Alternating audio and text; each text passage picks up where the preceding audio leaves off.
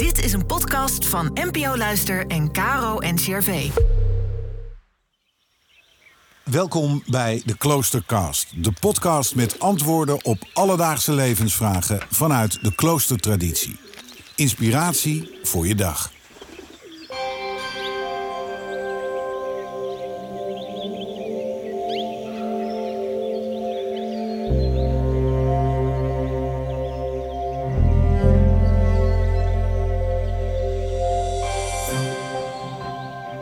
Blommestein is karmeliet in de gemeenschap Ad Montem op Schiermonnikoog. Hij nodigt ons uit om na te denken over de vraag: wat is je moreel kompas?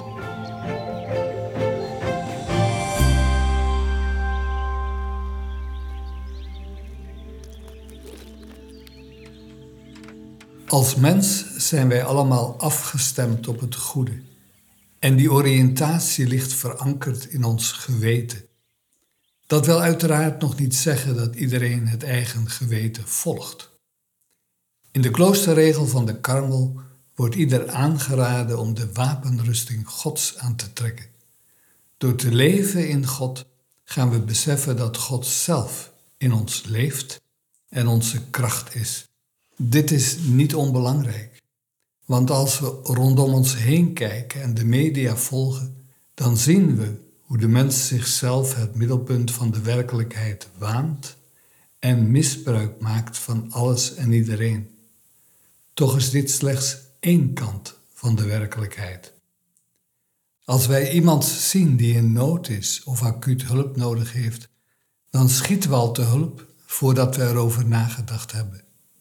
In zekere zin reageren lichaam en geest al voordat we erover nadenken of dit echt wel moet, of dat een ander dit misschien beter kan doen.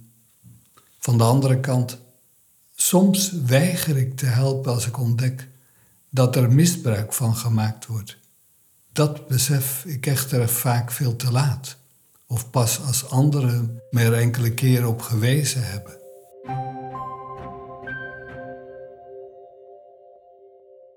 Er is dus blijkbaar in ieder mens een natuurlijk moreel kompas aanwezig. Dat werkt al voordat morele regels ons aangeleerd worden.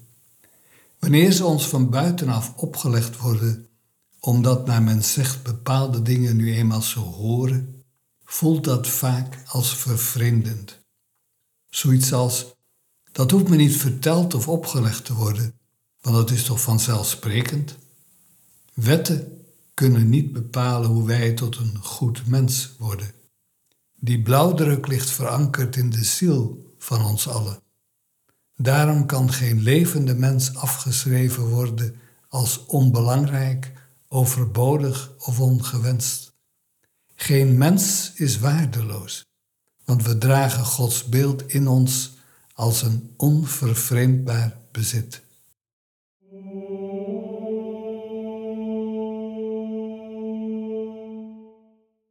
Maar we kunnen deze rijkdom pas op zijn juiste waarde schatten wanneer de geest van Christus in ons woont. Onvermijdelijk zien we in iedere mens zwakheden en eigenaardigheden, zoals we die ook in onszelf waarnemen. Ervaren wij hen als onaangenaam, irritant of zelfs bedreigend?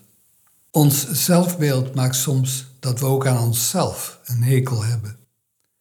Als we echter naar deze ander en naar onszelf met Christus ogen kijken, dan zien we onmiddellijk dat deze mens, evenals wij zelf, bekleed is met goddelijke beminnenswaardigheid en schoonheid.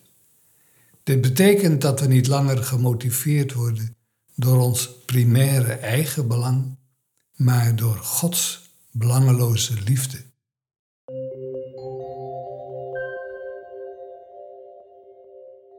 Heel diep in ons wezen weten we allemaal dat God, de Schepper, ons van eeuwigheid af grenzeloos en onvoorwaardelijk bemint. In de loop van ons leven is dit oorspronkelijke weten veelal vergeten, doordat een laag van negatieve ervaringen en trauma's ons bewustzijn in beslag neemt. Wanneer we uit het oog verliezen dat iedere mens is gemaakt naar Gods beeld en gelijkenis, openen we de deur voor allerlei vormen van agressie en onbegrip.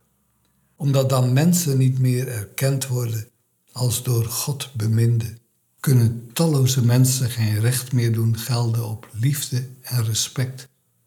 De enige vraag is dan welk nut zij hebben. Hen te beschouwen als een bedreiging is voldoende reden om hen uit de weg te ruimen. Bij depressiviteit richten we deze agressie op onszelf. Een simpel gebaar van liefde maakt dit diepe weten dat we bemind zijn weer toegankelijk voor ons bewustzijn.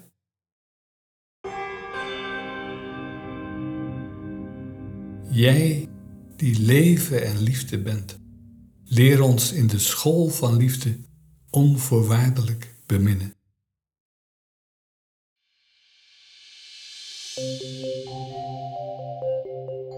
Morgen in een nieuwe Kloostercast vertelt Norbertijn Joost Jansen over zijn ontmoeting met engelen.